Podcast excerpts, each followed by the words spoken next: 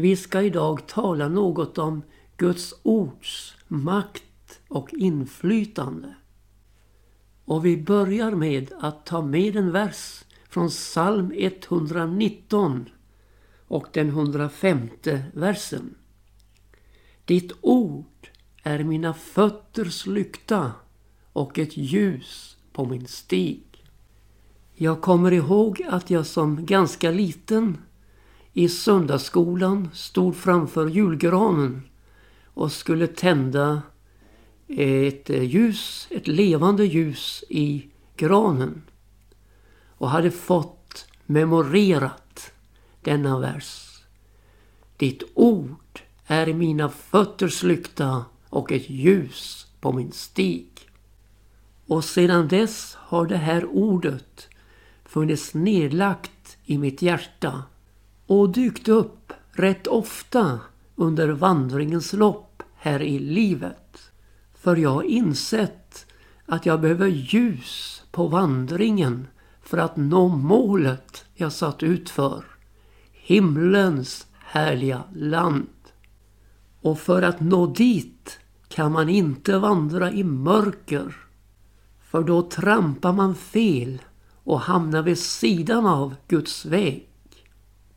Den enda väg som leder till himlen. Vägen Jesus Kristus. Det är så stort att en människa som vandrar i mörkret kan få se ett ljus skina klart. Ett stort ljus som gör att man får ett riktmärke för sin vandring och kan orientera sig i tillvaron. Ja, Jesus är det ljuset. Tänk att få ljus på sin vandring. Tänk att få ljus där man ska sätta sina fötter. Ja, Guds ord är lyktan som upplyser vägen och ger ljus på min steg. Det är ord utgångna ur Guds mun. Det är ord från Jesu läppar av ande och liv. Tänk dig, det är ord som har större varaktighet än himmel och jord. Jesus sa, himmel och jord ska förgås, men mina ord skall aldrig förgås. När de följer med in i nya himlar och ny jord, där rättfärdighet bor, evigt gällande. Och du har redan märkt hur jag sammankopplar Guds ord med Jesus. Det går inte att skilja åt. Det går inte att påstå att han säger något han inte menar. Förutom vägen så är den ju också sanningen och livet. En vandring med Jesus i efterföljelse av honom är en vandring i ljuset som han är i ljuset. Och där, där är det upplyst. Och här, ja halleluja, verkar försoningens verklighet. Jesu Guds sons blod som renar från all synd. Och kontrasten blir ju oerhört slående när man tänker på den som vandrar i mörkret och vet inte var han går. Nu ska vi se något på skaparekraften i Guds ord. Och hur har den nu kommit till? Jo, i begynnelsen skapade Gud himmel och jord. Och så kommer det underbara uttalade ordet från Gud. Var det ljus och det vart ljus. Själva skapade kraften la Gud in i sitt ord. Gud sade och det vart. När Gud sedan skapar människan så är det så innerligt, intensivt och intimt med hans väsen och vilja. Tanken fanns där i hans innersta. Och så kommer det uttalade ordet. Gud sade, låt oss göra människor till vår avbild, till att vara oss lika. Vi kan förstå att Guds tanke och hans uttalade ord skedde i himlen, i tronhimlen. Men så sträcker han sig ner helt till jordens stoft och danar människan. Av detta det ringaste material som blivit skapat. Och så inblåser han livsande i hennes näsa. Och så blev människan en levande varelse. Vi ser alltså här att Gud handlar efter sitt ord. Det ord som var uttalat i himlen blir förverkligat på jorden genom Guds handlande. Vi kan alltså se att det skapar kraft i Guds ord. Men mer än så, det är också handlingskraft i Guds ord. Gud handlar på sitt ord och utför sina mäktiga gärningar. Skapelsen är inte statisk utan Gud handlar med sin skapelse och detta i synnerhet med människan. Så även om skapelsen är fullbordad så är den föremål för Guds handlande i tiden. På samma sätt som med försoningen som är fullbordad men som Gud handlar med för att nå oss människor med frälsningen i Jesus Kristus. Och detta handlande med försoningen, det sker genom Guds ord, genom evangelium som är en Guds kraft till frälsning för var och en som tror. När Johannes tar fatt på evangeliet, Johannes evangelium, så får vi en oerhörd introduktion till evangeliet redan från början. Han skriver I begynnelsen var ordet och ordet var hos Gud och ordet var Gud. Detta var i begynnelsen hos Gud. Genom det har allt blivit till och utan det har intet blivit till som är till. I det var liv och livet var människornas ljus. Och ljuset lyser i mörkret och mörkret har icke fått makt därmed. Vi ser hur ordet sammanfaller med Jesus och förstår att när det talas om ordet så talas det om Jesus. Och den plats han har i skapelseverket är oerhört framträdande. Och likaså i försoningen.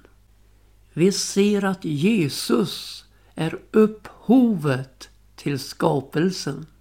Ja, allt sammans har blivit skapat genom honom och till honom. Och han är till före allt skapat. Och allt sammans äger bestånd i honom. Det var Kolosserbrevets uttryck jag här citerar. Hebreerbrevet säger att han, Jesus, med sin makts ord bär allt. Ja, skapelseordet har sin upprinnelse i Jesus. men också sitt bestånd i honom. Ja, skapelsens Gud är ordets Gud som med sin uppehållande makt bär allt i Jesus Kristus. Låt oss nu se på Guds ord som ett frälsande ord. Guds frälsande ord ligger i linje med hans skapande ord. I båda tillfällena så är det Guds underbara ljus som bryter fram och skingrar mörkret. Det ligger som vi har sagt skaparekraft i Guds ord. Men det ligger också födslokraft i Guds ord. Genom den helige Andes livgivande kraft en människa kan bli född på nytt. Och nu läser jag från första Petrus brevs första kapitel och 22 vers. Renen edra själar i lydnad för sanningen till oskrymtad broderlig kärlek och älsken varandra av hjärtat med uthållig kärlek. Ni som är födda på nytt, inte av någon förgänglig säd utan av en oförgänglig genom Guds levande ord som förbliver. Ty allt kött är som gräs och all dess härlighet som gräsets blomster. Gräset torkar bort och blomstret faller av. Men Herrens ord förbliver evinnerligen. Och det är detta ord som blivit förkunnat för er såsom ett glatt budskap som evangelium. Nu ska vi tänka oss om. När blev apostlarna Petrus, Andreas, Jakob och Johannes och de övriga, när blev de frälsta? Det är något man inte hör så mycket om. Vi förutsätter ju att de var frälsta. Men låt oss tänka lite över när blev de frälsta? Jesus han säger i Johannes 15 och 3 Ni är redan nu rena i kraft av det ord som jag talat till er. Och jag tror att de blev frälsta när de handlade på Guds ord. Där vid Genesarets strand möttes de av Jesu ord Följ mig. Och när de stod upp från båten och lämnade allt och följde Jesus, då tror jag de blev frälsta. Vi kan sträcka oss längre tillbaka till gamla förbundets tid. När blev Abraham frälst? För frälst, det var han. Hans tro på Gud räknades honom till rättfärdighet. Men så återkommer jag då till frågan, när blev han frälst? Jag tror att han blev det när han handlade på Guds ord och lämnade det kaldeiska ur för att vandra tillsammans med Gud mot löfteslandet. Det var inte fullkomligt det var inte färdigt, vare sig för Abraham eller lärjungarna. Men det var en början, en begynnelse på trons väg. En begynnelse på vägen mot slutfrälsningen.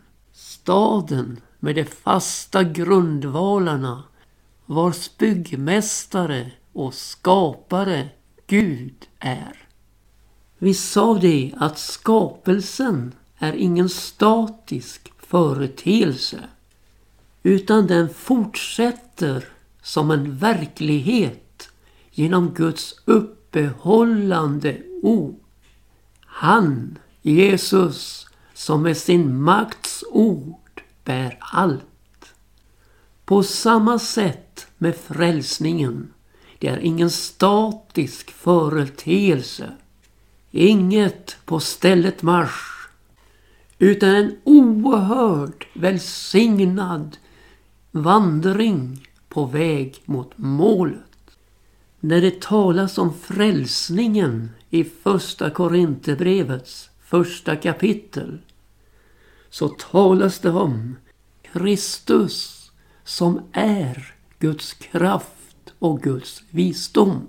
Alltså en frälsning här i Kristus som en Guds kraft och Guds visdom. Och så avslutas det första kapitlet i den trettionde versen med dessa ord. Men hans verk är det att det är i Kristus Jesus som för oss har blivit till visdom från Gud, till rättfärdighet, helgelse och till förlossning. För att så ska ske som det är skrivet, den som vill berömma sig, han berömmer sig av Herren. Man kan tala om tre tidsangivelser i frälsningen. Det första, rättfärdighet, rättfärdiggörelse, alltså på nytt födelse. Det andra, helgelse, som pågår hela livet. Och det tredje, förlossning, som sker i ett ögonblick när Jesus kommer och hämtar dem som hör honom till. Så det är rätt och riktigt att säga när man mött Jesus att man blivit frälst. Men det är lika rätt att säga att frälsningen är oss nu närmare än när vi kom till tro. Vi ska bli frälsta, slutfrälsta. Och däremellan ligger då helgelsens verk. Guds helgelseverk i våra liv. Och vi får alltså inte stanna upp här under vandringen. För utan helgelse får ingen se Herren. Och i allt detta så verkar Guds ord med sin underbara, härliga välsignade verkan i våra liv. Guds ord, det är ett löftesord som är lika säkert som dess uppfyllelse. Uttalat av honom som inte kan ljuga och som aldrig ljuger. Det står fast för evigt Jesu fullbordade verk på Golgata står som centrum i tiden. Men också som det centrala i evigheten. Dess verkan sträcker sig både bakåt och framåt i tiden. I gamla förbundets tid så utformade Gud ja uttalade sitt ord på två sätt. Dels löftet, dels lagen. Lagen som visade på det omöjliga att frälsa oss själva genom gärningar. Och gav oss kännedom om synden. Och löftena som visade på frälsningens möjligheter genom tro på Gud. Ett ord som skär in i det innersta och ställer människan som syndare enligt lagen. Men också möter oss löftesordet som lyfter människan och för henne in i gemenskap med Gud. Tänk att det gick att bli frälst på gamla förbundets tid. Genom att handla på Guds ord och uppleva kraften i Golgataverket som ett löfte. Ett löfte lika säkert som dess fullbordan. Och när vi sedan ser på tiden efter Golgataverket, där du och jag befinner oss, så ser vi ju att frälsningsmöjligheterna har inte blivit mindre. Utan vi har fått höra sanningens ord, frälsningens evangelium. Evangelium om Jesus som är en Guds kraft till frälsning för var och en som tror. Tänk lärjungarna som fick lyssna till Jesu ord och upplevde att i ordet fanns en underbar reningsprocess. Mycket skulle bort och mycket skulle in. Och detta skedde vid lyssnandet till Guds ord, till Jesu undervisning. Detsamma för oss som tagit de första stapplande stegen på trons väg mot fullkomligheten.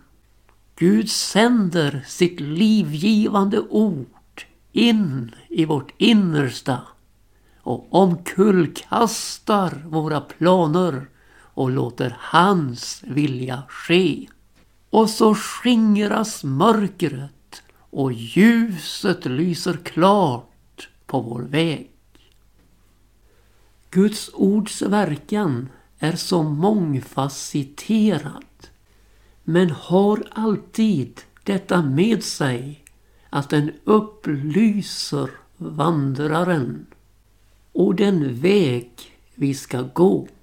Som jag har framfört här så är Guds ord levande och det är kraftigt och det är skarpt. Jag läser från Hebreerbrevets fjärde kapitel, tolfte vers. Ty Guds ord är levande och kraftigt och skarpare än något tvegat svärd och tränger igenom så att det åtskiljer själ och ande, märg och ben och det är en domare över hjärtats uppsåt och tankar. Intet skapat är fördolt för honom utan allt ligger blottat och uppenbart för hans ögon och inför honom ska vi göra räkenskap. Ja, Guds ord är skapande. Guds ord är frälsande och Guds ord är dömande. Och visst är det en stor nåd att detta skarpa, tveeggade svärd som Guds ord är tränger in i vårt innersta. Som en domare över hjärtats uppsåt och tankar. Och blottlägger på det sättet vårt inre. Så vi får en möjlighet att göra upp vår sak med Gud här i tiden innan den kommande slutgiltiga domen. I Guds ord ligger en underbar åtskiljande verkan som åtskiljer det som är ifrån Gud och det som inte är från Gud. Som skiljer, som på skapelsens dag, ljuset från mörkret. Och detta, ja mina vänner, detta i vårt innersta, i vårt hjärta. Därför kan Paulus tacka Gud för vännerna i Thessalonika.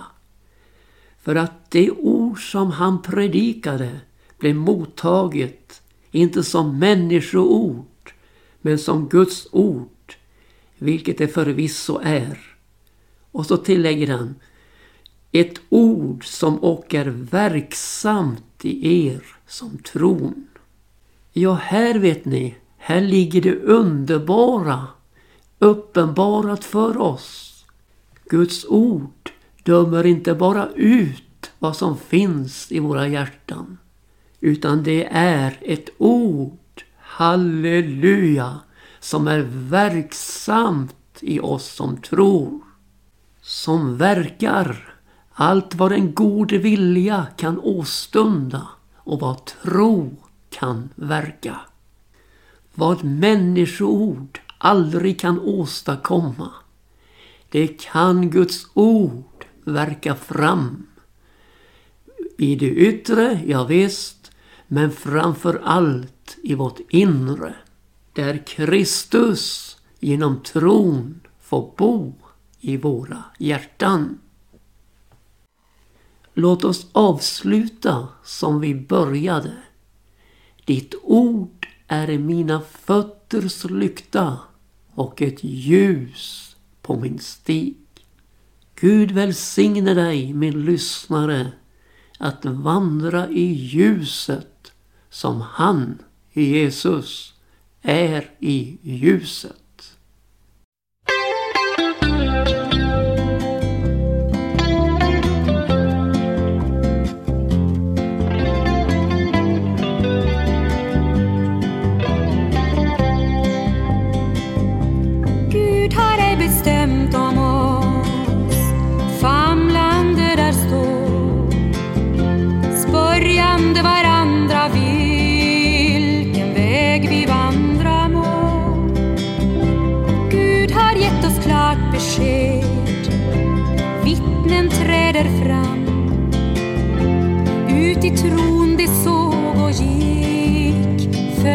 Tro och hopp